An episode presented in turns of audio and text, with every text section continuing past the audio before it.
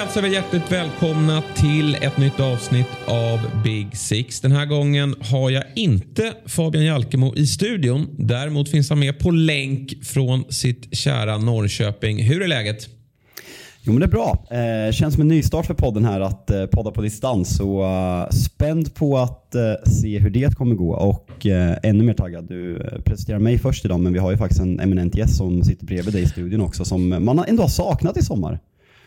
Ja, men det har man. Man har saknat honom under en längre tid eftersom han har varit eh, pappaledig och så har det varit lite friidrotts-VM och annat. Och nu har vi ju fått ganska många nya lyssnare här sen vi öppnade podden fri. Så det är väl på sin plats att presentera honom. Han kommer ifrån eh, Expressen där han är sportjournalist. Han är känd i Big Six-sammanhang då, som en av få City-supportrar i det här landet. Jag hälsar varmt välkommen då till Big Six, Petter Landén. Tack så hemskt mycket. Eh, jag vill börja med att tacka Fabbe för den gamiga eh, introduktionen att kalla mig eminent gäst och säga att han ändå har saknat mig. Ja. Ta upp, bryta ner. Ja, men det är så ni har jobbat när ni har suttit i en studio tillsammans. Ja, ja nej, men det är hatkärlek som det ska vara mellan eh, stadsrivaler. Helt det, riktigt. det är inte mycket positivt jag har i den rivaliteten just nu så jag måste ta de chanserna jag får att trycka ner lite. Det, det är fan svårt alltså. Det är inte ens en rivalitet längre Fabbe. är Liverpool den nya Ja, stora rival. sen ett par år ja. är, det, är det väl så. Ja. Eh, de är väl en kuriositet från, eh, från Salford, de där röda. Mm. Eh, men Liverpool är ju de som vi tampas mot på riktigt. Mm.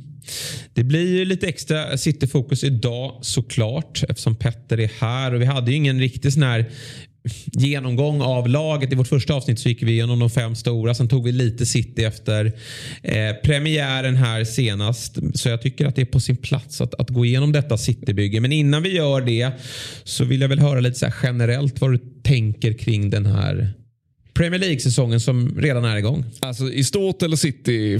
I stort. I stort. Uh, jag är jävligt spänd på den. Mm. Uh, det har ju varit en högintressant sommar och som dessutom fortsätter. Eh, om man ska se silly season som sin egen säsong, vilket man måste nästan göra. Så, eh, ni var inne på det i förra podden, men Spurs har gjort egentligen allt rätt den här sommaren känns det som. Och, eh, eh ligatiteln är väl off, men cuptitlar finns det definitivt att slåss om.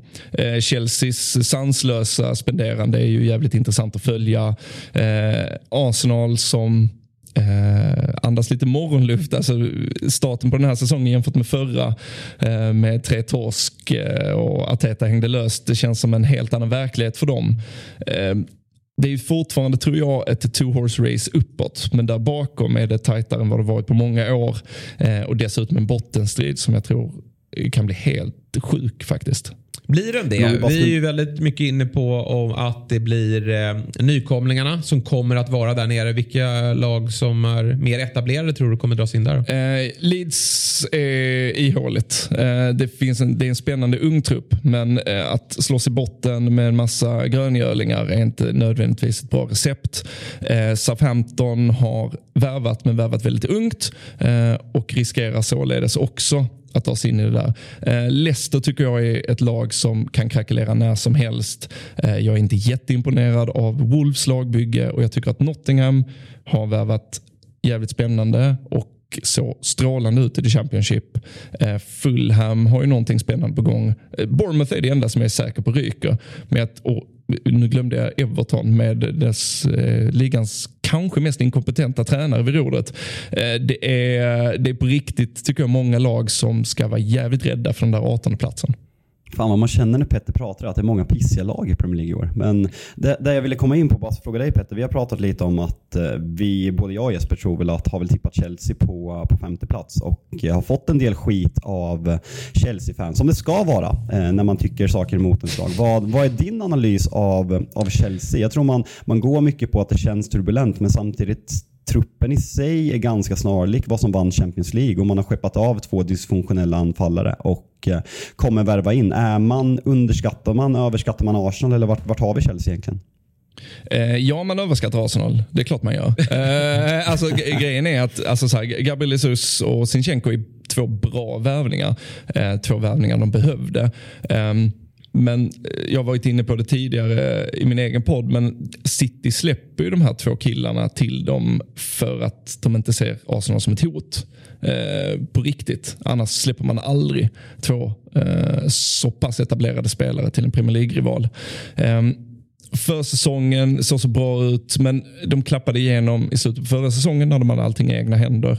Och även om de har tagit kliv i år så ingenting givet. Jag tycker att de har en bra möjlighet för att Chelsea letar väldigt mycket efter vad som ska fungera. Och det blev väldigt tydligt mot Everton att det var otroligt blekt framåt. Eh, ska Sterling verkligen vara nia och Havertz på kant? Det tycker det känns jättekonstigt.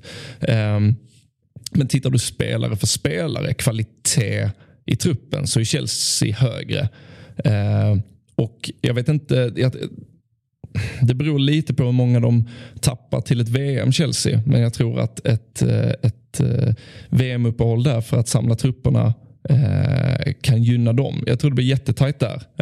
Det kan också finnas en Just nu känns det så givet att Tottenham ska ta tredjeplatsen. Det är det ju givetvis inte. Det är fortfarande Spurs vi pratar om och eh, traditionens makt är stor. Va? Eh, jag tror att det finns en lätt underskattning av Chelsea för att vi inte riktigt vet vad är planen med alla de här tunga värvningarna? Det såg jätteblekt ut.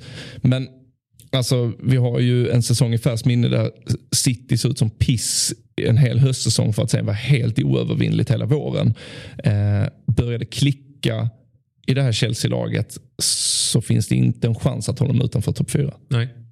Nej, det, det, har du ju rätt i. Vår, vår, eller min analys av läget är väl att man just ska sladda här nu i början av mm. säsongen. Därför var ju ändå tre poängen. Nu fick man ju taxa motståndare i, i form av Everton som, mm. som, har sina problem.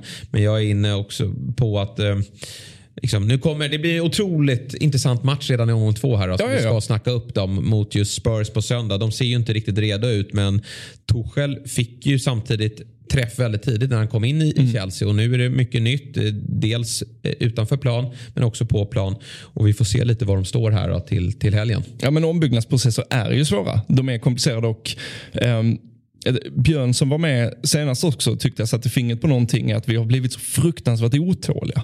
Eh, egentligen i fotbollscommunity i stort. Alltså Haaland dömdes ut efter community shielden och nu är han Alan Shearer. Ja. Eh, vi måste, alltså, saker tar tid i fotboll. Det, det gör det. Jag, jag, vet att, och jag, jag är skyldig till det själv ibland. att så här, men Kom igen nu. Alltså, nu, nu måste någonting hända.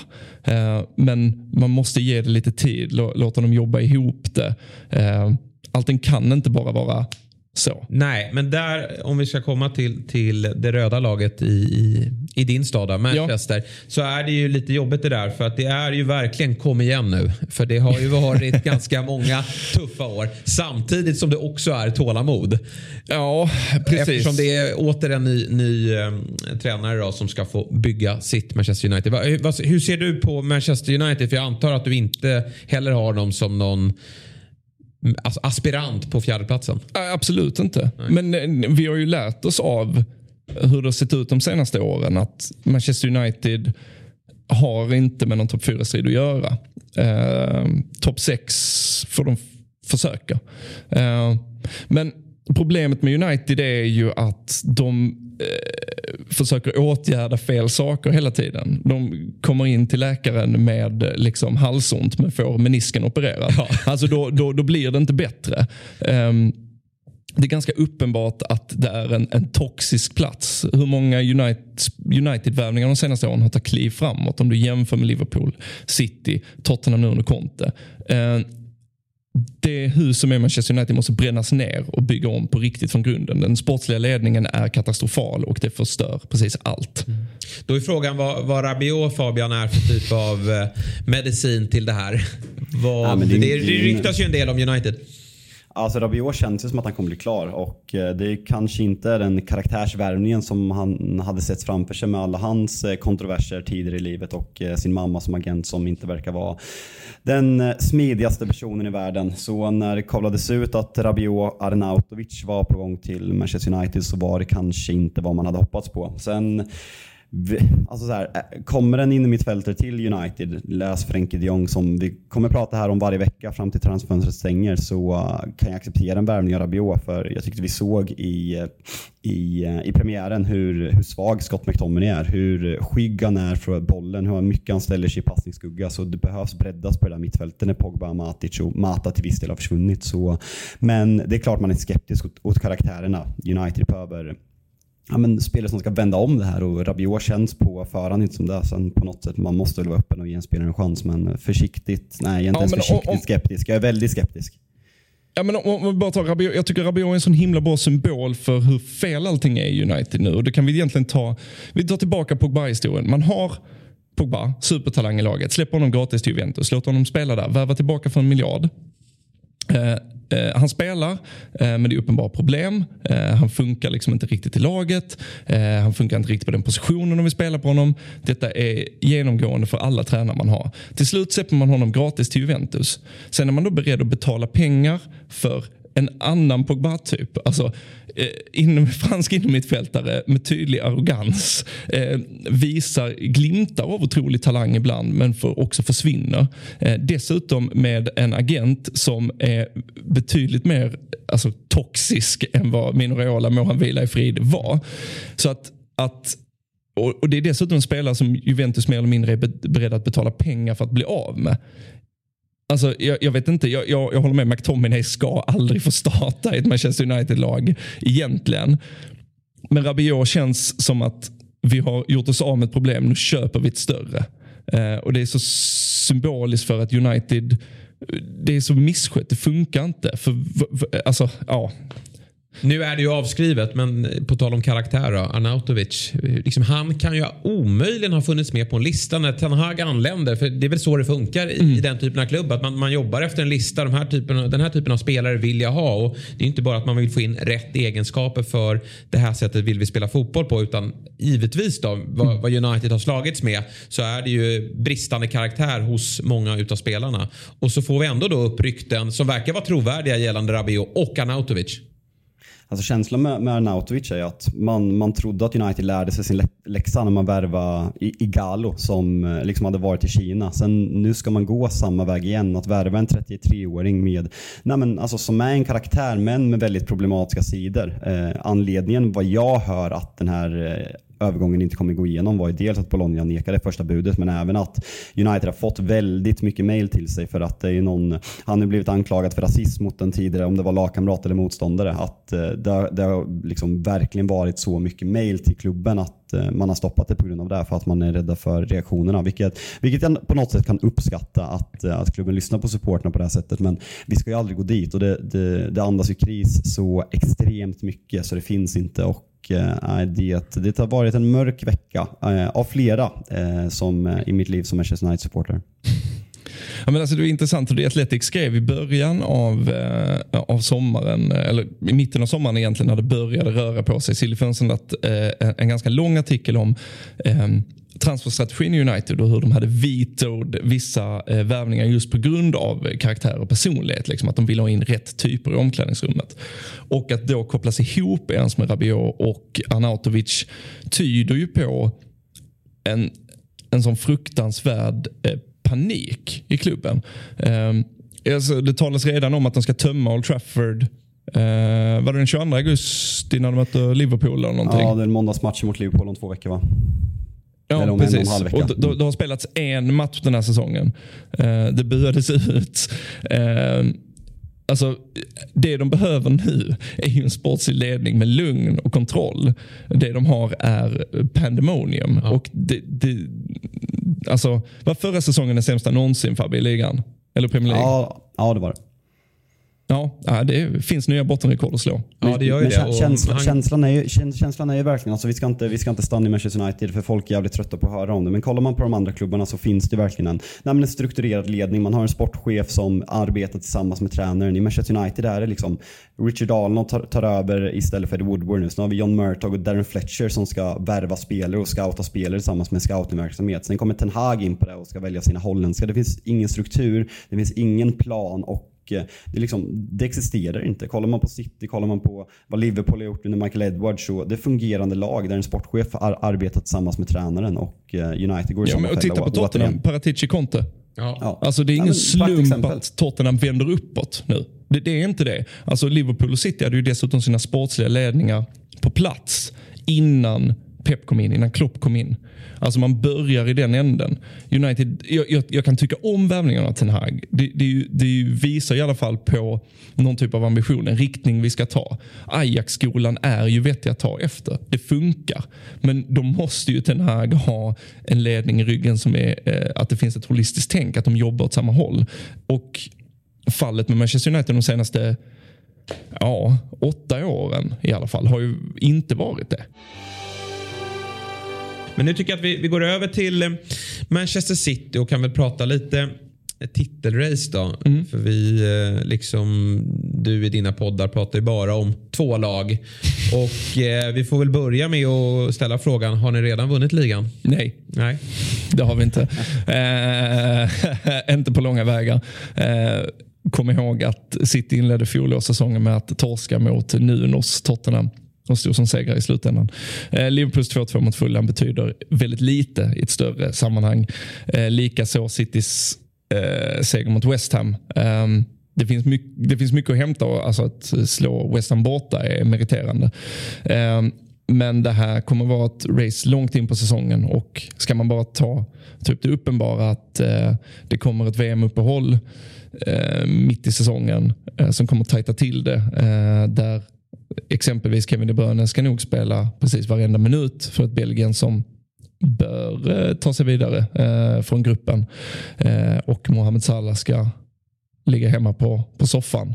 Eh, bara där har du en ganska avgörande skillnad. Eh, Liverpools trupp eh, är bättre rustad för den här säsongen. City startelva är bättre men truppen är tunn, tunn, tunn. Mm. Nej, men precis. Startelvan har ju verkligen spetsats men vi har ställt lite frågetecken för att försöka hitta några problem då. Ja, men det finns, det finns. Ja. Det finns. Alltså, grejen är att det, jag tyckte man kunde se det i slutet på förra säsongen så hade de ju enorma problem att ens få till en backlinje. Uh, det är ju inte lite till grund att Fernandinho var tvungen att spela högerback som man torskar mot Real. Det finns många andra faktorer där också. Um, men det finns ju ingenting som säger snarare tvärtom så riskar man ju mycket mer den här säsongen genom att gå in med den tunna, tunna truppen. Um, Bernardo Silva, fortfarande ett frågetecken huruvida han blir kvar eller inte. Och Jag ser honom som en helt avgörande spelare eh, att ha kvar. För att det finns, Calvin Phillips har lungorna eh, att eh, kunna matcha Bernardo. Men har gjort liksom, ja, hur många tävlingsminuter i city? Inga, knappt. Eh, det tar tid att komma in i pepplag. Eh, Rodri behövde ett år innan han blev riktigt bra. Eh, och ska Calvin Phillips vara den som ska täcka alla ytor, eh, då är det ett jävla elddop om Bernardo sticker. Eh, på ytterbackarna så är vi liksom en skada ifrån att det ser eh, papyrus tunt ut. Eh, jag, eh, så här, Håland perfekt. Det är en spelare som eh, kan vinna Champions League åt en. Tillsammans med Kevin De Bruyne. Helt tveklöst. Så jag känner att det är det City har byggt för. Eh, men de har inte byggt för säsongen ordentligt. Det känner jag inte. Nej, var det rätt då att släppa Sterling, Jesus och Sinchenko? Eh, Fernandinho, han vill ju lämna. Eh, liksom. Har han lagt ner Fernandinho? Nej, han lirar i Brasilien nu. Det, alltså. ja, mm. Om det är Atletico Mineiro eller någonting sånt där. Han verkar ha det kanon. Jag undrar honom det. Eh, Sterling och Jesus, ja, det var rätt att släppa. Eh, ett år kvar på kontrakten. Eh, I Jesus fick de in en, en eh, likartad spelare, Julian Alvarez, som eh, eh, likt Jesus inte är en naturlig målskytt men ett riktigt jävla pressmonster. Jag gillar honom skarpt. Det finns det finns en riktig diamant där i tror jag. Och där var det väl inte helt säkert att han redan i år skulle få bli en del Nej. av Peps bygge. Men att han har sett så bra ut dels i slutet av, mm. av fjolårssäsongen och nu även i um, början av försäsong. Mm. Eh, ja, nej, men exakt. Och han var väl lite tveksam själv för han vill ju spela för Argentina eh, i VM och ville eh, ha några typer av garantier om att jag, jag, måste få vara involverad så jag kan vara med i en argentinsk trupp. Um, Pep verkar gilla honom. Han är ju likt många argentinare stenhårt arbetande. Eh, och har, man ska inte dra några Agüero sig, för det gör ingen någon tjänst. Eh, men han har han har en hygglig avslutningsfot. Eh, men framförallt så är det hans, hans eh, mångsidighet och arbetskapacitet som jag är jävligt imponerad av. Sterling han hade aldrig Peps förtroende de sista två åren. Om du tittar på alla avgörande matcher City spelade där, Sterling startar aldrig. Eh, och eh, och det var, jag tror att droppen som fick bägaren att rinna över där. Han fick ju starta lite märkligt nog i Champions League-finalen mot Chelsea. Mm. Och där var han svag. Mm. Och det kändes som att där tröttnade Pep. Ja, det, det, det, finns ett klipp som har gått runt på sociala medier inför Liverpool-matchen. Där Pep säger att så här, jag håller koll på er. Eh, den som inte vill ha boll, jag noterar det. Och Jag tror han kände att när det blev avgörande, då backade Sterling. Eh, när, när, när, när kniven var mot strupen, då, då backade han. Men en sak som jag, eh, du snubblar in på det, jag vet ju att det är en personlig favorit till dig, Bernardo Silva och även för mig personligen om man får bortse från lagfärger. Eh, vad, vad är känslan där? För det var ju mycket snack om att han skulle lämna förra säsongen. Sen kändes det som att han, ja, men han accepterade att han var kvar. Han var ute liksom mycket i Manchester och rörde sig i Northern Quarters och körde Mato och skulle köra kulturella svängen och träffa supportrar där och tog bilder och det kändes ändå som att han hade fått en ny tändning och trivdes förra året med, med framförallt fotbollen han spelar som var tillbaka på prime, prime nivåer. Vad, vad är känslan där? För att de här ryktena till Barcelona försvinner ju inte. Nej, alltså att, att Bernardo Silva inte vill bo kvar i England, det, det, så är det. Punkt. Eh, så här, jag, jag tror han trivs ganska bra i Manchester City. Men han trivs inte så bra i Manchester. så att säga. Och Jag tror det skulle vara detsamma eh, även om han skulle spela i ett Londonlag. Um, han har pratat flera gånger om att pandemin har varit ganska hård och tuff för honom och hans flickvän Ines. Um, att han, inte, han, han verkar vara en ganska hemkär person. Lite, uh, inte Jesus Navas illa som det var där ett tag när han vägrade lämna Sevilla. Men um, att han vill ha närheten till sitt hem. Uh, och likt många andra portugiser i den eh, åldern kan jag tänka mig att han växte upp och, blickade mot eh, Barcelona eller Real för den delen. Eh, grejen är, jag, det är ofrånkomligt att Bernardo Silva kommer lämna Manchester City eh, en dag. Eh, jag tror bara inte att det blir den här sommaren. För att City känner att det går liksom inte att ersätta Bernardo Silva bara sådär. Då skulle de behöva sälja honom i början på sommaren för att ha ordentlig tid att hitta en fullgod eh, ersättare. Men det är, det är, inte så många som har den kombinationen av eh, fullständig bollkontroll, eh, kunna driva bollen och, och täcka de ytor som Bernardo gör. Eh, och är det ingen som vill betala de 70-80 millar som de vill ha för honom så kommer de inte släppa en spelare på kontrakt. Eh, jag är inte så orolig för att Bernardo ska bli ett problem i omklädningsrummet. Han känns extremt professionell. Eh, jag det, det, det, känns väldigt tråkigt för att jag gillar honom så mycket och han är så viktig eh, att han inte vill vara kvar. Däremot är jag inte orolig att det ska bli en Aubameyang situation av det. Nej, eh, det tror inte jag heller. Han gick väl ut med något uttalande här och sa att City vet om vad jag, vad jag vill. Mm. Det är väl förmodligen då kanske att det finns någonting i, Spanien som lockar. Ja, ja, ja. Men att blir han kvar så jag, trivs jag här och, och kommer ge allt för klubben. Vilket ändå måste kännas skönt. Mm. Och jag tycker som du är inne på att Bernardo Silva, den typen av spelare. Jag ser inte jättemånga som, som har hans eh, egenskaper. Och det tror jag inte Pep heller ser. Det är klart att han säkert har, har ett öga för någon ung kille i, i, i Spanien. Garanterat. Som på sikt kan eh, axla den rollen. Men, men de här pressmonstren som du pratar om. Mm. Det känns som att det är lättare eh, att hitta i, i dagens fotbollsvärld. Jag lyfte faktiskt upp, jag gästade Tutu Balutto igår och lyfte upp Jared Bowen mm. som kanske är ett tänkbart alternativ för City och Peps sätt att spela. Få in det här djupledshotet mm. också och användbar i flera positioner. Tveklöst. Alltså Jared Bowen är ganska spännande. Homegrown också men det, det kommer ju med en kostnad givetvis. Um, den stora, det stora problemet för Jerry Bowen hade faktiskt varit jätteintressant eh, eh, att ha i City. Eh, problemet är att om, om man släpper Bernardo så behöver du ha duglig täckning på mittfältet. Eh, och det är frågan om man då känner att Phillips eh, är tillräckligt redo för att axla den rollen eller att Grealish eller Foden kan gå ner och axla den typen av ansvar på ett eh, inom mittfält också. Och på tal om Grealish då, du vet ju hur högt jag håller honom men jag tycker att du satte ord på mina känslor på, på Twitter mm. i, under matchen här mot West Ham var det väl. Mm. Där du skrev alltså Grealish. Jag utgår ifrån att han har fått order om att spela enkelt. Men antingen får de släppa loss honom på riktigt. Eller ta ut honom mot Palmer eller någon. Foden till vänster då. För det här är, just, eh, för det här är utan tvekan fotbollsvärldens blekaste miljard just nu. Ja det är det. Det är det ju. Alltså, jag, jag har fått ganska mycket eh, meddelanden efter det. Alltså folk som, som ger mig liksom underliggande siffror. Han slår mycket key passes och, och sånt där. Um, och att han har liksom någonting i, en förmåga att värdera situationer. Det som Pep pratar om som pausa. Att han, han kan liksom läsa spelet, han vet när han ska släppa bollen och så vidare. Men det är någonting att så här, jag menar, eh, en kamphund som du kastrerar, det kan ju duga som sällskapshund, men det är inte det jag vill ha. Jag vill ha kamphunden Grealish. Ja. Jag vill ju ha honom nästan då i den här Gündogan-positionen. En aggressiv åtta, in i box, in i de farliga områdena, gör den gubbe. Alltså, det, det, var ju den Grealish man förälskade sig i Villa och jag tror fortfarande att den Grealish skulle kunna göra så himla mycket bra för City. Um, jag, vet inte, jag, jag blir, jag, förstår att han spelar en viktig roll och, och i hur City ställer upp mot West Ham, om det, om det är någonting som vi kommer se över hela säsongen, vi kan komma in närmare på det. Eh, eller om det bara var för att eh, alltså, eh, radera ut West Hams offensiva hot.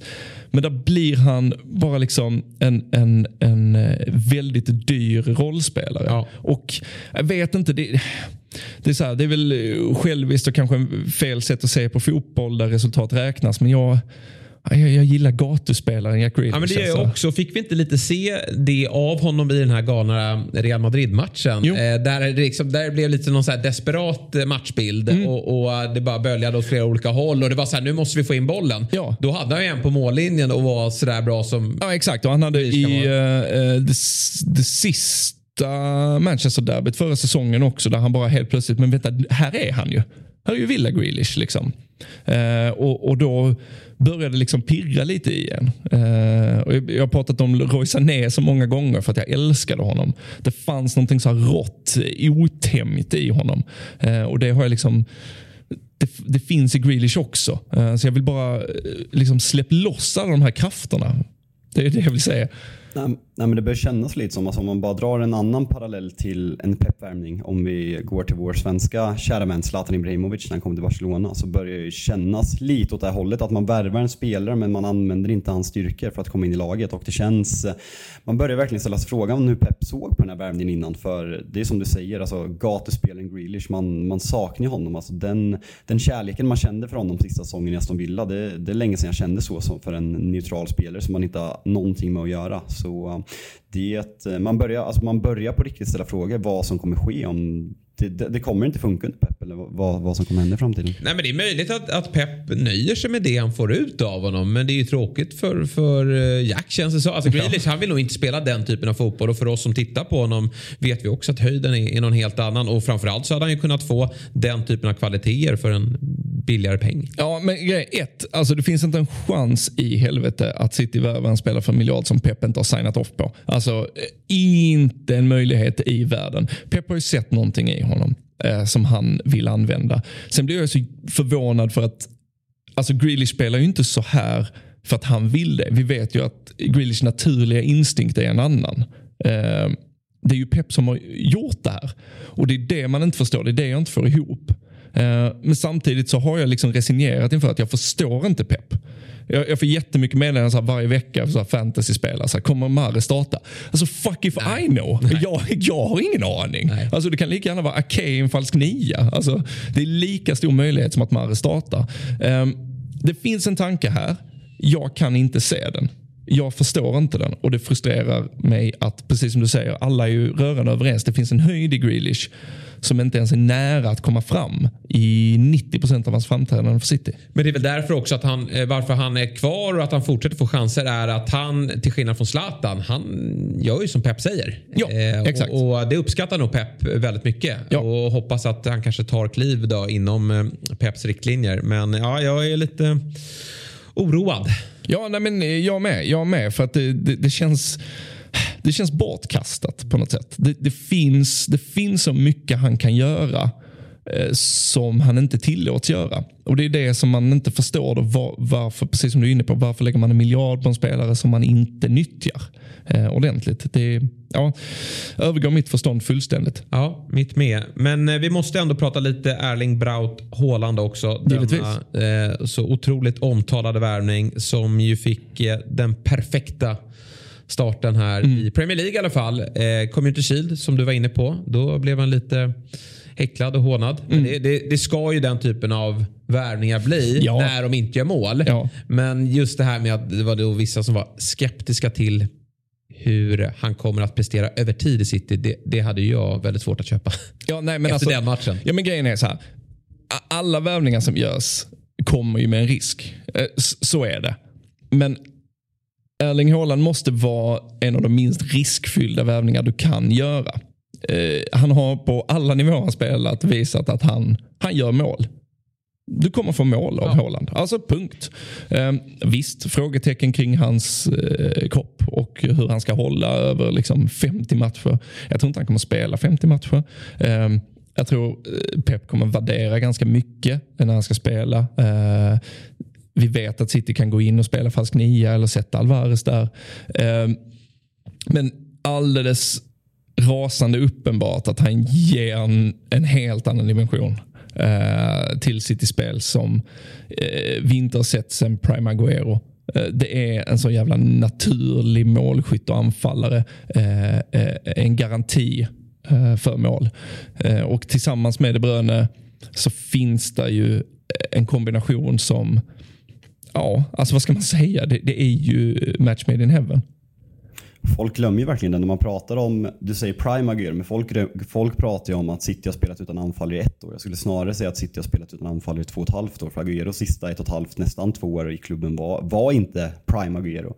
Det var en väldigt skadefylld Aguero. Så det här är ju alltså, på så många sätt en, för mig, redan, redan världens bästa lag får kanske vid världens 21 år redan världens bästa nia och jag tyckte han visade alla sina kvaliteter i i, i första matchen mot West Ham och eh, jag- fortsätter spinna vidare på den linjen. Jag tror att han kommer slå Alan Shearers målrekord i Premier League när vi summerar hans, hans karriär. Eh, jag tror inte det, för jag tror inte att han är kvar i sitt så länge. Nej, du tror att det blir eh, steget till Spanien sen? Ja, jag, tr- jag tror han är sugen på den. Och eh, Nu finns ju inte Mino med oss längre, men eh, Haaland har ju pratat om också sin uppskattning och idoliserande av Zlatan. Och Zlatan är inte en spelare som stannar i klubbar sådär Nej. länge. Eh, Haaland är eh, eh, en psykopat så också så tillvida att han vill ju övervinna allting. Eh, han kommer inte nöja sig med att stanna i city i tio år. Det, det finns inte. Vi har honom så att säga till låns i tre, fyra. Eh, kanske Pep-tiden ut om, om Pep stannar så länge. Ehm, Sen kommer han eh, söka nya jaktmarker. Så jag tror inte han slår Shearers rekord för jag tror inte att han är kvar i England så länge. Eh, däremot så, så såg vi någonting som inte eh, pratats om eh, kanske tillräckligt för att det, det är lätt att tänka att så här, Haaland är en kontringsspelare. Han gör mål på kontringar. Men jag tycker att intelligensen han visar mot West Ham, löpningarna, tajmingen han tar tillsammans med killar som Gundogan, De Bruyne, Foden. Eh, alltså han kommer han kommer i varje match hitta tre, fyra farliga lägen bara på grund av att han gör han tar rätt beslut på plan. Eh, och, och det i kombination med det fysiska jävla monster han är, eh, är ju eh, är löjligt Ja. faktiskt. Men det finns ju ett annat målrekord då, som eh, fortfarande lever och som kanske förbättras. Då, men det är ju Champions League-målrekordet. Ja, där- det, skulle sjukt nog kunna vara i fara. Ja, ja, svettas på Krille. Ja. Det finns alla anledningar att svettas. Ja, eh, men du, du var ändå, jag vill ändå prata lite framtid också. För du nämnde där Pep-tiden ut. Mm. Hur länge tror du att Pep blir kvar i City? Alltså det är så svårt att säga. Eh, jag, tror det kan vara lite tillfälligheter. Dels så är, eh, på tal om psykopater som vill övervinna, jag tror att den där Champions League-trofén efter Barcelona, den, den vill han ha. Och jag tror att han känner att City är den bästa platsen att ta det. Sen är ju lite frågan vad nästa steg blir. Vad är, vad är nästa eh, horisont? Eh, eh, han har inte varit i Italien eh, som tränare. Jag tror att det intresserar honom. Men då ska ju rätt tillfälle uppstå. Ehm, Frankrike tror jag inte är så intresserad av. Finns där ett landslagsjobb framöver? Jag, jag tror peptiden, säg tre, max fyra år till. Eh, sen när nästa för honom intressanta utmaning dyker upp förutsatt att han har Champions League-trofén. Då pyser han. Det lär ju dyka upp några nya spännande tränarnamn fram till dess. Flera Mm. tränare som kanske har tagit ytterligare kliv också. Men vem ser du nu som den perfekta ersättaren? Det finns ingen. Nej. Alltså, eh, grejen är att på samma sätt som eh, Arsenal Eh, fick en dipp efter Wenger, United går ner i sitt avgrundsdjup efter Sir Alex fortfarande. Eh, Liverpool kommer dippa efter Klopp och City kommer rasa efter Pep. Um, det där det, det går liksom inte bara att ersätta. Eh, och i nuläget jag har lite för dålig koll på alla liksom, unga spännande eh, för att våga säga någonting jag, jag, tror oavsett vem det är så är det nästan ett kamikazeuppdrag. Du kommer in, ska försöka rädda ett fall som är ofrånkomligt eh, i jakt på nästa. Går du i den fällan som många Chelsea-supportrar gjorde med Lampard och som Liverpool-supportrarna, jag vet inte om de fortfarande gör det då, med Steven Gerrard. Ja, då är de Men... dumma i huvudet kan jag säga. är, är de inte det då? ja, det är, stå för det Jesper. Jag uh, tänker nej, inte stänga av Twitter-notiser idag. jag tänker ju såklart på eh, Vincent Company. Ja, alltså vad ska man säga? Eh, min, eh, mitt hjärta säger en sak, min hjärna en helt annan. Eh, lugn, lugn, lugn. Låt honom se vad som händer i Burnley. Låt det ta rätt många år. Alltså klivet upp där, det är så fruktansvärt högt. Jag ser hellre sådana fall kompani, gör din grej Burnley. Eh, kanske ta ett annat kliv till. Ta jag vet inte. Eh, det ska helst vara en någorlunda fungerande klubb. Så liksom ett, ett, ett Wolves, ett, ett, uh, inte Leicester nu, jag tror inte riktigt på dem. Men liksom det steget. Eh, låt City ta in någon annan efter Pep. Och om du då är redo om fem år, sex år, absolut. Men, ja. jag, men grejen är, jag, jag, vill inte heller att han ska solka ner. Alltså Vinny för mig är ju, det är ju, det är ju kaptenernas kapten. Alltså hans 2011-2012 är liksom jag vill, jag vill, inte att det ska solkas ner på något sätt. Så han ska bara komma om han är 100% redo. Så jag hoppas på väldigt många andra än Vincent. Ja, men vet du vad jag lyfter fram då? Companys nästa jobb. Det är ju Brighton efter Potter. Mm, mm, Eller hur? Fortsätta mm. med possession och, mm, och mm. också då få bevisa sig att Potter har byggt upp något väldigt bra. Kan man liksom mm. fortsätta på den vägen eller faller man igenom det? Kanske hade varit något. Ja, men det, det är ett intressant steg att ta. Fortsätter han eh, eh, fortsätter Burnley ta kliv och han gör det bra där så är det ett jävligt spännande jobb när Potter tar Villa då. Ja, exakt. För den är vi ju övertygade om. Ja, att den kommer ske kanske redan här till, till hösten. då. Du, Liverpool är ju största utmanaren såklart. Hur eh, ser du på Liverpools lagbygge inför den här säsongen? Eh, det är bra. Det är jättebra. Eh, jag tycker att de har eh, så stark uppbackning egentligen på alla positioner. Eventuellt undantaget eh, centralt mittfält. Eh, nu hade Thiago en shitshow mot Fulham innan han skadade. Och blev ju skadad också. Ja, sex veckor ja. vad jag såg. Eh, kan vara eh, en liten, jag ska inte säga blessing in disguise för Thiago är så viktig, men jag tycker Henderson, det är slut nu. Um, jag förstår vikten av ledaregenskaper för att ta Vincent Kompani som exempel när han uh, flera år efter sin prime, efter alla skador, ändå liksom var så viktig i Citylaget för att ha den naturliga ledaren. Så tror jag att Thiagos frånfall är Harvey Elliots stora genombrott. Uh, när Thiago är tillbaka så är det Henderson som petas ur elvan, Elliotsarna kvar. Um, jag tycker att Liverpools lagbygge är väldigt bra. Eh, de är lite före City i sin ombyggnadsprocess. Långt före Chelsea eh, i deras ombyggnadsprocess. Eh, och har en trupp som är bättre rustad för den här säsongen än vad City har. Jag tyckte också David Nunez, när han, både i Community Shielden och mot Fulham när han kom in, att det, det, där, det där är någonting. Ja, de har gjort det igen. Ja, ja men exakt. Och, och, och Liverpool under Klopp har ju visat sig, det är, det är ju väldigt få spelare som eh, tar kliv bakåt om det ens någon. Vissa står ju still. Också Chamberlain till exempel är väl liksom prime exempel på det. Men där är också skadorna såklart en del. Ehm, eh, Liverpool det, det, är lätt att bli förblindad över den bleka insatsen mot Fulham, men det är ett lag som kommer tveklöst slåss om det. Alltså, kanske vinna faktiskt. Men det tycker jag alltså som Klopp, jag tycker att han eh, borde få mer cred egentligen för. Ni pratade om det lite igår i, i Tutto Jesper, att eh, den här Ferguson-kvaliteten han har, att han utan att man egentligen märker det eh, bygger om hela truppen. Och många satsar, men de hade Mané, de hade Bobby, de hade Salah och det var den gyllene tridenten. Nu helt plötsligt så är två utbytta och det finns en bredd med Luis Diaz och Nunez och Jota där bakom som går före picking order än vad Bobby gör. Och man, man har typ inte märkt det.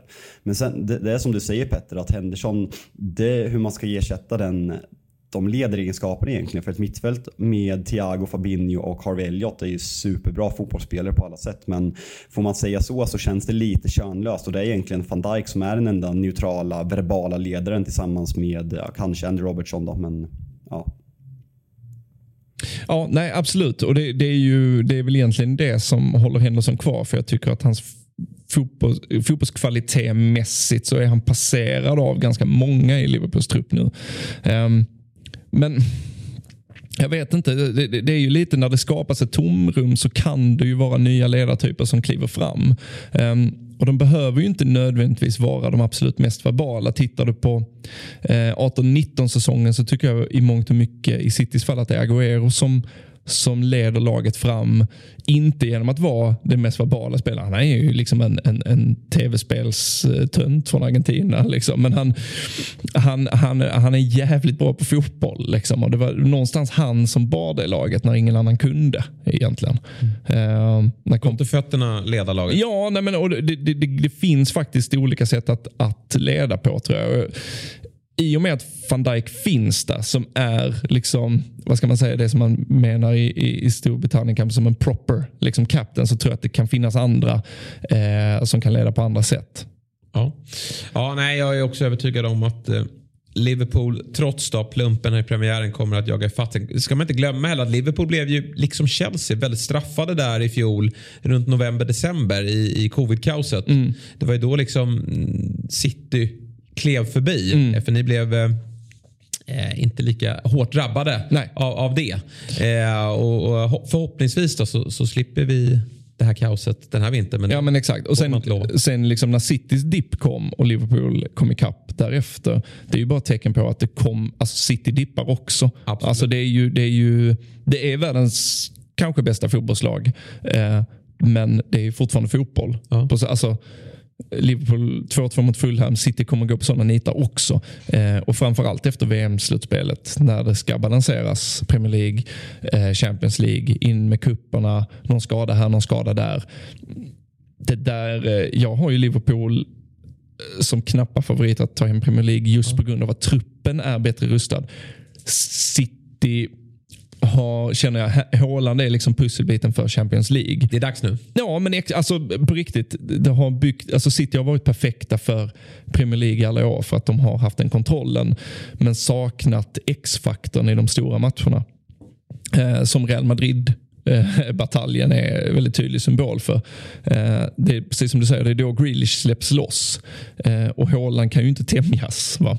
Så att, jag, jag, tror att City går stenhårt för CL och jag tror det kan visa sig i slutet på säsongen att Liverpool tar hem ligan.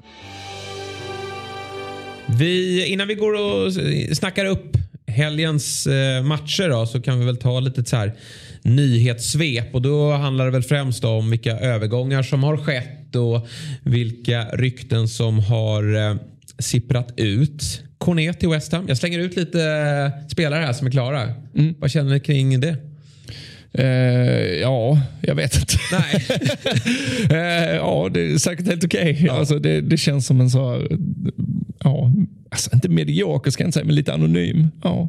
Nej, men man såg ändå lite, lite spets i honom i ett väldigt svagt Burnley i fjol. Mm. Sen åkte han ju på en del skador och var iväg på Afrikanska mästerskapet och sådär. Eh, Medan West Ham då eh, bygger väl om lite där. Ben Rama ska bort mm. har jag förstått det som. Och även Vlasic som man i stort sett aldrig har sett Nej, då, precis. i, Nej, i det, spel. Det blir bara fel. Ja, det blir bara fel. Ja. Det, det, det, ska in lite spets där och, och då kanske Cornet är eh, rätt värvning. Alltså man har ju någonting, det är ju uppenbart. Det, liksom det fanns ju glimtar av det i Burnley förra året. Han har ju, såg man mot City när han var i Lyon också, att han har ju en vänsterfot som är värd namnet eh, på något sätt. Så att, men jag, jag vet inte riktigt var han ska in. Liksom. Är, han, är han tänkt som någon slags wingback? Eller, ja, Nej, jag vet inte. Eh, oklart. Eh, vi tar Everton då som behöver värva och kommer väl att eh, de har värvat och kommer väl fortsätta att värva eh, Connor Cody. Mm.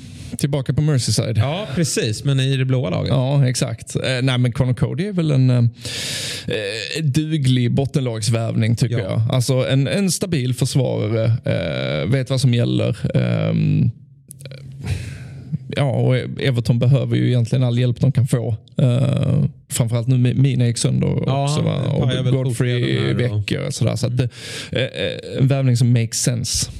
Alltså det här alltså det är en jättebra värvning för Everton men frågetecknen jag har på den här värvningen är ett.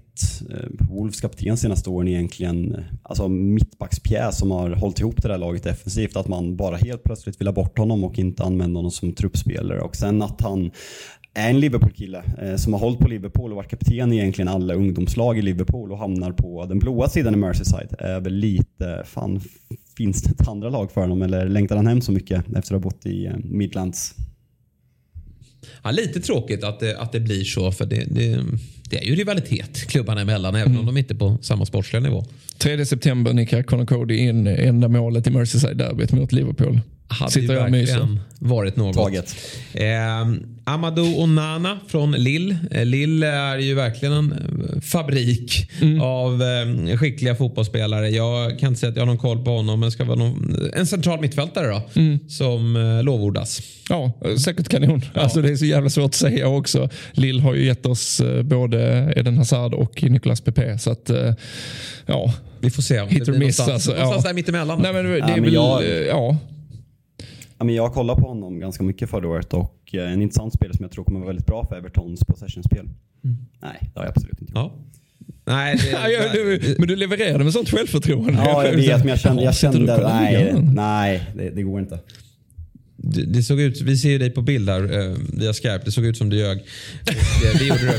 Eh, eh, de jagar även anfallare, eh, Everton. Och där gick ju eh, EFL-podden då, eh, som är en svensk Championship-podd, ut med lilla minibomben här. Då, Att Coventrys anfallare Victor Gyökeres skulle förhandla med Everton. Men då kan väl Premier League-podden Big Six slå ner det ryktet. För det gör han inte alls. Ah. Nej, det Det, alltså, det var ju en värvning som på pappret eh, kändes nästan lite rimlig. Alltså Calvert Lewin eh, med de profilegenskaperna han har, att Gyökeres är ju en power forward. Liksom, att han, han skulle absolut kunna gå in och ta, ta liksom, och tampas med honom om nya platsen. Ja, jag tycker att det är, framförallt hoppad, hoppas jag att det här ska ske. Ja, ja. Eh, Eftersom de har sina skadeproblem och nu spelar ju Gordon eh, längst fram och, Mm. och Gyökeres har gjort det väldigt bra i Championship. Började säsongen med ett riktigt klassmål här mot, mot Sunderland. Men som jag har förstått det då, från trovärdiga källor så har det lite löst anmälts ett intresse. Eh, Men det har tydligen Everton gjort till ganska många anfallare runt om i världen.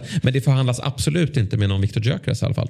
Nej men det piggar ju absolut upp efter, nej, men de fick ändå bra spridning på den här, på den här eh, ryktet om den drog igång som det skulle förhandlas. Och det är ändå skönt att vi kommer här med ett jävla statement och slår ner på det helt enkelt. Ja, men däremot kan vi väl hoppas då att det börjar förhandlas. För att, eh, visst vill vi se Gyökeres i Premier League och Everton hade väl varit perfekt. Ja. Men eh, de, om de anmäler intresse så är det väl som United också. Det, till slut är Arnautovic borta så ja, då är ju Gyökeres helt Ja, plötsligt exakt. aktuell. Han slutar väl i, i, eh, i ditt kära Manchester United då? Ja, inte alls omöjligt. Det, vi, tänk så här, vi skulle värva Joshua King för 20 miljoner pund på deadline day för typ ett och ett halvt år sedan. Så det är inte omöjligt. Och kanske får ni sällskap av Chelsea också i jakten på Gyökeres. För de anmäler intresse på ja, alla möjliga olika spelare. Jakten på Fofana fortsätter. Vad säger du om de sjuka summorna? Nej, jag vet inte vad de håller på med. Alltså, Vi är uppe på Harry Maguire-pris här nu då, 80 miljoner pund. Ja, men alltså, grejen är, jag tycker för fan är bra. Det, det gör jag. Jag tyckte framförallt när han liksom klev in i Leicester och visade att, eh, att det finns en mer än kapabel eh, liksom, mittback i honom. Men alltså, det är samma sak med Cucurella-pengarna som är så här. Jag är väldigt glad att City drog sig ur den delen. För att jag, Ja, det kändes sunt.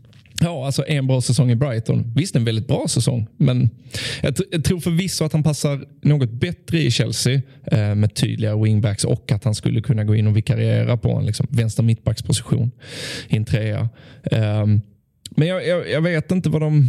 Alltså, eh, om, jag tycker inte att Fofana är värd de pengarna. Eh, det blir ju också konstigt när så här, ja, men Aston Villa tar in eh, Diego Carlos från Sevilla som har varit jättebra med Charles Condé där för en betydligt mindre summa. att Okej, va, alltså, varför tog ni inte det? Eller ska det vara Premier League-redo? Jag vet inte. Jag, jag, men Chelsea, det är, likt Peps laguttagningar så alltså, har jag bara släppt eh, en försök, alltså ett försök att förstå det för jag kommer inte göra det. Är det den här träningsanläggningen som har kostat för mycket eller vad, vad, vad är det beror på? Leicesters... eh, Ja, förfall, ekonomiska förfall. Eh, ja, jag vet inte. Nej. Men det, det är väl inte otänkbart. Det- det väl lite- Arsenal hade väl ekonomiska problem rätt många år efter Emirates-bygget. Ja. Eh, Det där kan nog svida ett tag. Det är väl som med Barcelonas eh, siffror där. Vi, vi får lämna över ordet till Barcelona. Martin Åslund. ja, Ja, men inte, alltså, Barcelona det, är ju en inte ens Martin Åslund förstod det där. Nej, det är ingen som förstår sig på det där. Eh, för övrigt då, Barcelona då, som i, under den här sommaren plockade in, ja de har ju plockat in allt. väldigt många mm. allt i stort sett. Men eh, Kessie från Milan anlände ju på free transfer och eh, eh Christensen mm. från Chelsea, mittbacken. Båda eh, de här två de har inte registrerats ännu. För det eh, finns eh, tydligen problematik kring det. Där har man spenderat för mycket pengar och, och det är väl vissa krav innan då man får mm. registrera de här spelarna. Återigen över till Åslund att förklara det där. Men det kan vara som så då. Ryktet säger att är de inte registrerade innan lördag då är de fria att gå. Ja, det är ju kittlande. Alltså, det, är ja, men det här är ju två spelare som kan bidra. Jag tänker Kessie till United. Ja, ja, ja. Alltså Christensen i de flesta topplag i ja. Europa eh, skulle ju absolut inte göra bort sig. Samma sak med Kessie. Eh, jag utgår ifrån att eh, Europas elit eh, vakar som hökar eh, och sitter inte United eh, och är beredda att göra så gott som allt i sin makt för att locka över Kessie när det är alldeles uppenbart att Frenkie de Jong inte vill vara någonstans i närheten av Old Trafford så är det ju sånt jävla generalfel så att jag vet inte vad jag ska ta vägen. Men ryktena är ju kvar eh, Fabbe. Alltså de Jong, det är inte helt kört va?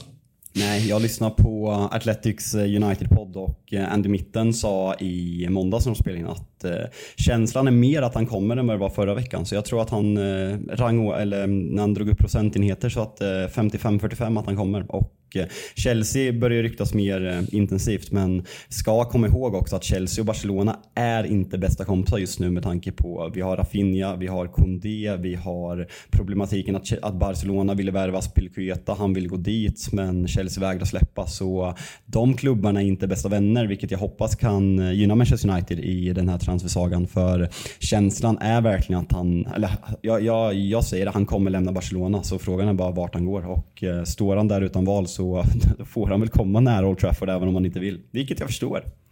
Ska man inte bara byta spelare där då? Bernardo? Eh, ja. Till eh, Barca och eh, de Jong till alltså det, det, det, finns, jag, jag, jag, är förvånad att City inte nämns alls i samband med eh, de Jong. Eh, Pep ville ju ha honom när han skulle gå från Ajax. Eh, och att det, det är ju inte så att Frenkie har blivit en sämre fotbollsspelare av att vara i Barcelona. Ehm, jag, jag, är inte helt säker på det raka bytet, men det är ju för att jag har eh, så äh, affektionsmässiga band till Bernardo som jag inte har till Frenkie.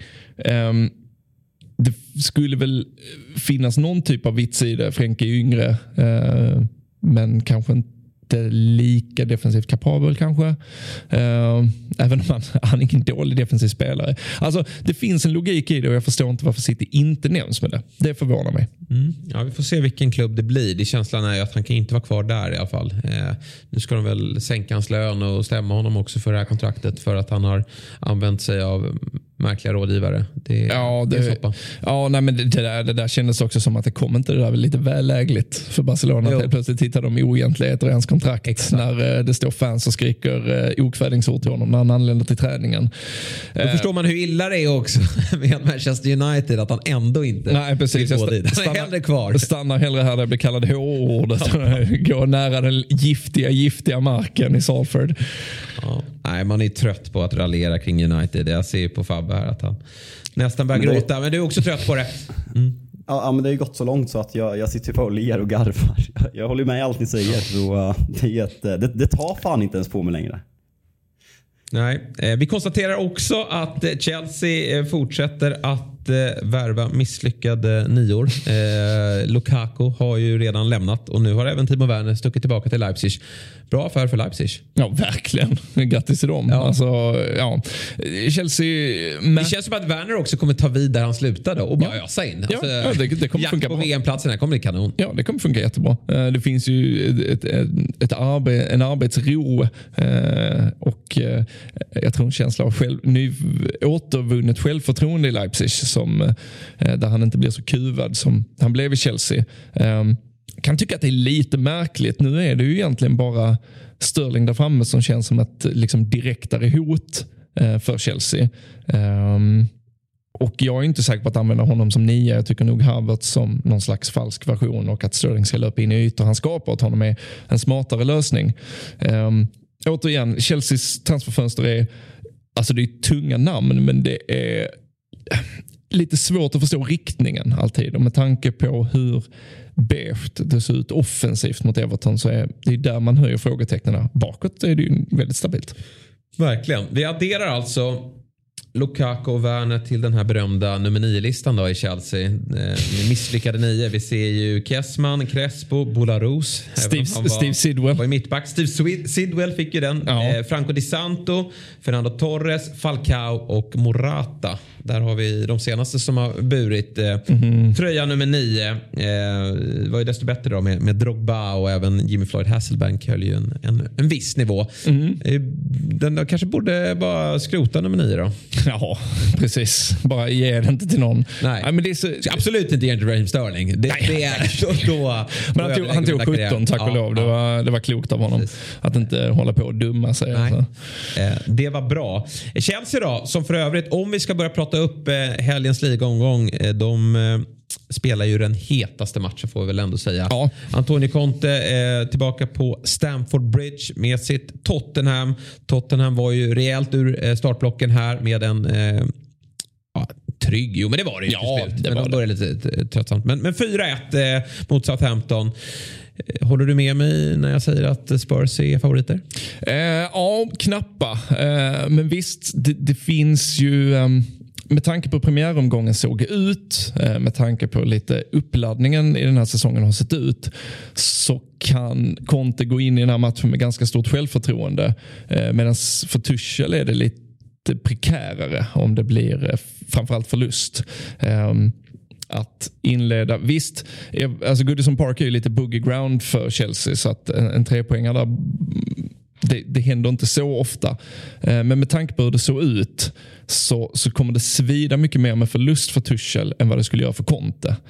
Eh, jag tror att eh, Tottenham kommer ta sig an det här ganska framåtlutat och det, det kan bli jobbigt för Chelsea. Så säg det är samma procentenheter som Andy Mittens Frankie till United. 55-45 i Spurs favör. Ja, men det låter väl rimligt. Blir det en öppen match Fabbe eller blir det tillknäppt? Känslan är att det kommer bli ganska tillknäppt. Eh, jag tror att Chelsea är väldigt, väldigt nervösa för att alltså så här, Chelsea ska väl på något sätt vara bollförande men det är två lag som egentligen har sina styrkor i kontringsspelet och eh, i kantspelet. Så jag tror Chelsea kommer vara fullständigt livrädda för att ge ytor till, eh, till Kane mellan lagdelarna som kommer slå, dela in bollar till både Son och den glödheta Dejan. Så nej, men en ganska låst matchbild. Jag tror att det kommer, nej, men om man får säga så, en, ett jävla antiklimax i match för att man har höga förväntningar, man har höga förhoppningar och det är omgång två men jag, det här är en match som står i kryss länge. Båda är väldigt nöjda med kryss den här matchen skulle jag säga. Framförallt Chelsea som Petter är inne på som en förlust skulle, skulle väga, eh, ta mer på. Ja, behöver ni inte kolla på den alltså. Jag, men kan vi, kan vi stanna, jag, vet, alltså, jag vet att ni har pratat DN eh, tidigare. Ja. Men det är ju, det är ju verkligen, jag tycker det är värt att belysa att sättet han tacklade motgången i Juventus, kliver in i, det är inte låga förväntningar även om det är Spurs. Alltså det, är ju, det är ju Conte Spurs. Alltså det är annorlunda från alltså Juan de Ramos Spurs så att säga. Um, att det känns som att vi i Sverige, om man bara tar det perspektivet, gått och väntat så himla länge på att Isak, nu kommer det nu är han liksom världsstjärnan. Samtidigt, nu är det ju liksom, jag tror att när VM väl är här så har vi ju vår världsstjärna i Kulusevski. Ja.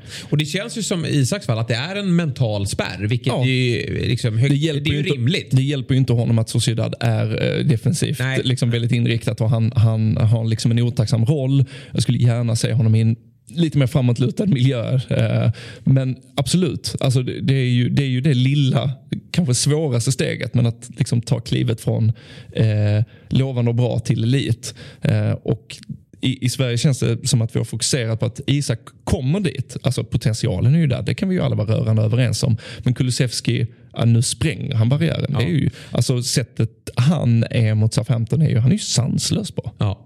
Nej men det är, det är så häftigt och, och också det här med att han, ja, men dels så att han hade det tufft i Juventus och att han kom med stukat självförtroende. Men också att han fick höra från supporterhåll att ja, men det här är inte värvningen vi vill ha. Han kom ganska sent in på mm. fönstret. Det kändes ju som en, jag tror att det var ju inte så för att de Conte och Paratici de hade ju koll på honom sedan tidigare. Eh, eller de har ju stenkoll på honom. Givetvis, men det ja. kändes ju som att det var en nödlösning då, eftersom det var eh, så sent på eh, fönstret.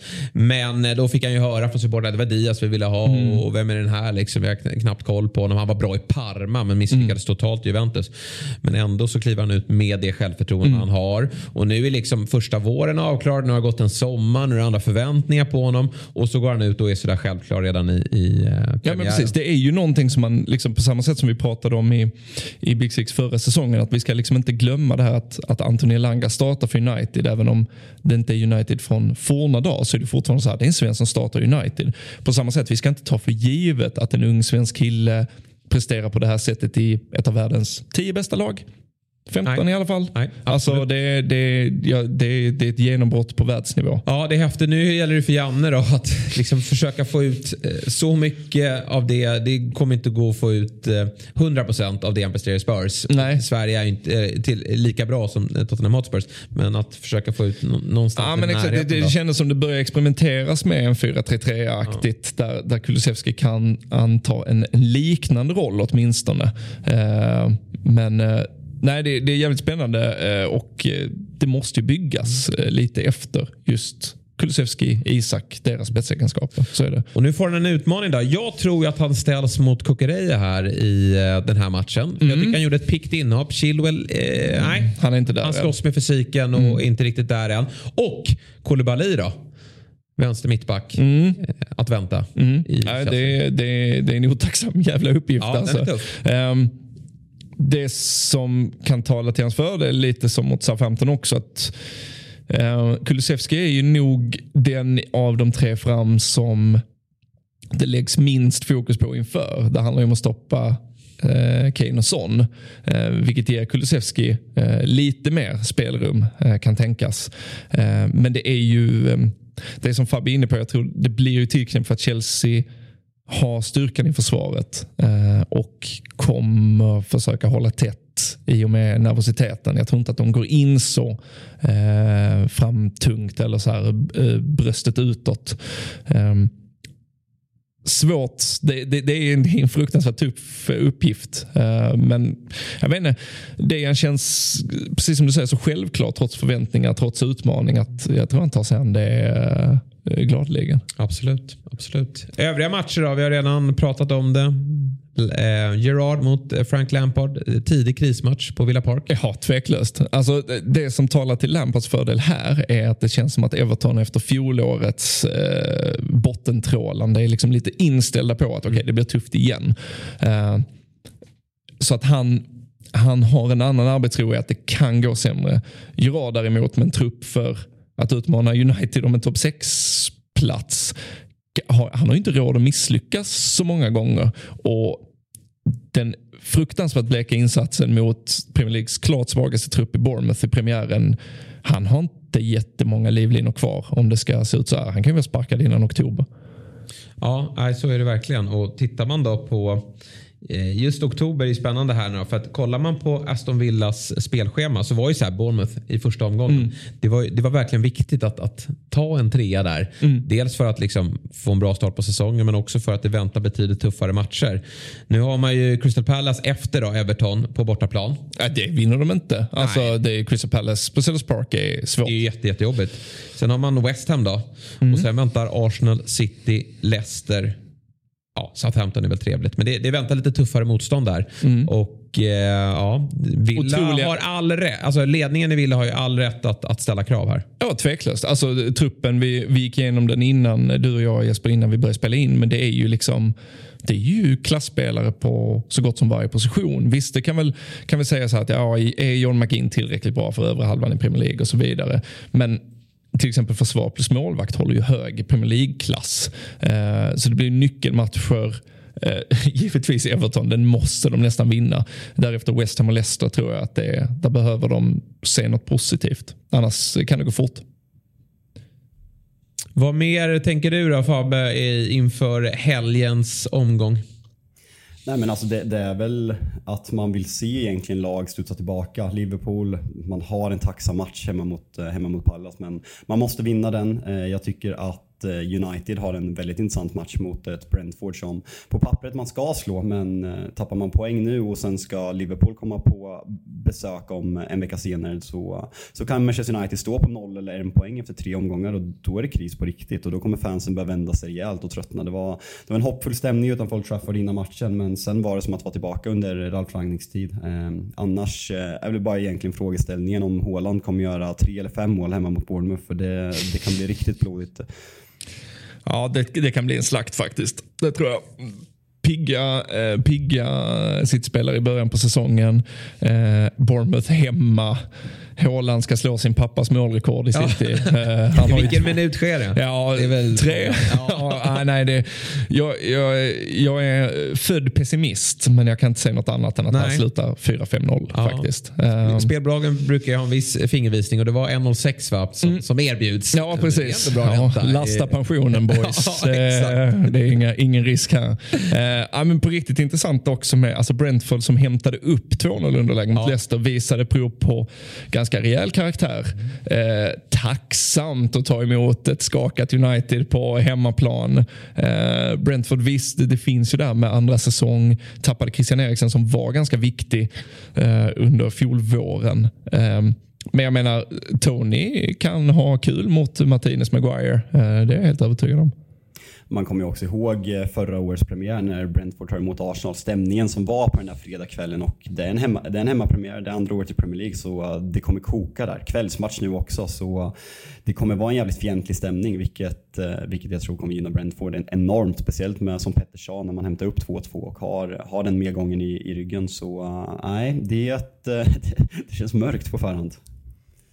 Ja, spännande Best of the Rest-möte också med Brighton Newcastle. Ja, eh, kan, Potter, kan Potter bygga vidare på den fina premiärinsatsen? Eh, samma sak med Newcastle. Eh, Newcastle har ju en trupp som ska utmanövrera Brightons. Men eh, man fortsätter imponeras av Potters arbete. Så ja, att, eh, definitivt. Ja, det är, vi får nog snacka eh, Brighton som utmanare trots att de bara fortsätter tappa spelare. Alltså det, ja, det, ska, det ska inte gå. Det, det, det, det motgår logik. Det är ju liksom en humla ska inte kunna flyga men gör det ändå. Och man undrar när alltså Brighton är så vinklippt och det är samma fråga varje år. Vem ska göra mål i det här laget? Och så Pascal Gross sätter två. Jaha, ja. fortfarande. Spelar du ja. fortfarande? Jaha. Nej, det, är, det är osannolikt. Okay. Mm. Och, Danny Welbeck, eh, Jaha, han är hel och han eh, löper där uppe och levererar. Ja, kanske något för er att hämta hem här nu då. Fy fan. Det är, väl, är, det, är det att acceptera förlust Nej, eller att värva tillbaka Danny Welbeck? 18 liksom. miljoner pund för Welbeck på deadline day. Exakt. Då kan ni fan skita i det Fabbe. Ja. Då är det över. Ja, men vad spännande då. Vi kommer ju såklart att eh, prata ner den här omgången eh, i nästa vecka. Då kommer vi spela in på tisdag eftersom vi har en måndagsfight. Då. Eh, New, vet det, Liverpool då mot eh, försvarsstarka Crystal Palace här. Mm, det, det, man, man, visste inte riktigt inför förra säsongen vad man skulle tro på Vera, av Vera. Eh, hade ju varit i USA och Nice för innan och lite svårvärderad. Men han har ju satt en eh, väldigt bra defensiv struktur. Alltså Gehi och Andersen är jättestabila. Eh, kont fina kontringshot i Zaha, eh, Esse. Eh, det såg man ju mot Arsenal att de behöver någon som kan sätta dit bollarna. Eh, och jag tycker Jordan Ayew är en, jag vet inte, personlig anti Alltså jag tycker han är uh, så dålig. Ja, nej, men han är inte eh, och Eduardo Benteke är ju inte det heller. Och nu är Benteke lämnat. Har han lämnat ja, nu? MLS. DC United. På tiden. För honom. Ja, det är ja. inget man ens behöver nämna. Men Nej, knappt. Du knappt. ändå eh, tog upp ja, men det, det, det, det som är grejen att Liverpool är hemmapremiär. Eh, Crystal Palace med, som är ett mer än kapabelt lag. Men jag tror att Liverpools försvar är så bra att utmanövrera eh, eh, de offensiva hot som finns i Crystal Palace. Och jag Ja, alltså att, att, hålla nollan på Anfield, det är det inte många som gör. Nej. Eh, så jag, jag, jag ser Liverpool fixa det. Uh, hemma mot Crystal Palace så, så gör de det. Och det blir Harvey Elliot då som tar Thiagos? Ja, uh, jag tror det. Um, jag tycker att uh, det, det, är dags. Jag, jag, jag, tror allting man såg av honom innan skadan för säsongen visar på att det finns fruktansvärt mycket talang i honom. Uh, och göra Liverpools redan helt vansinniga högerkant eh, ännu mer farlig. Eh, tror jag kan det blir jobbigt för vad heter han, Mitchell i, eh, i Crystal Palace. När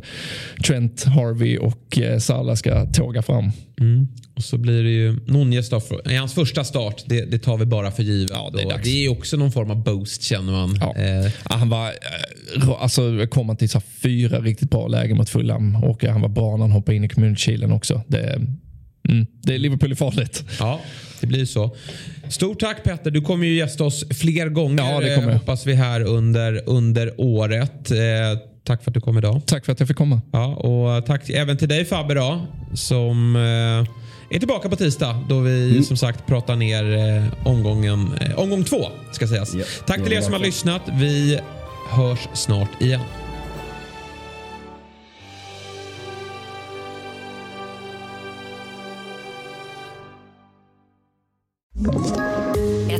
Poddtips från Podplay.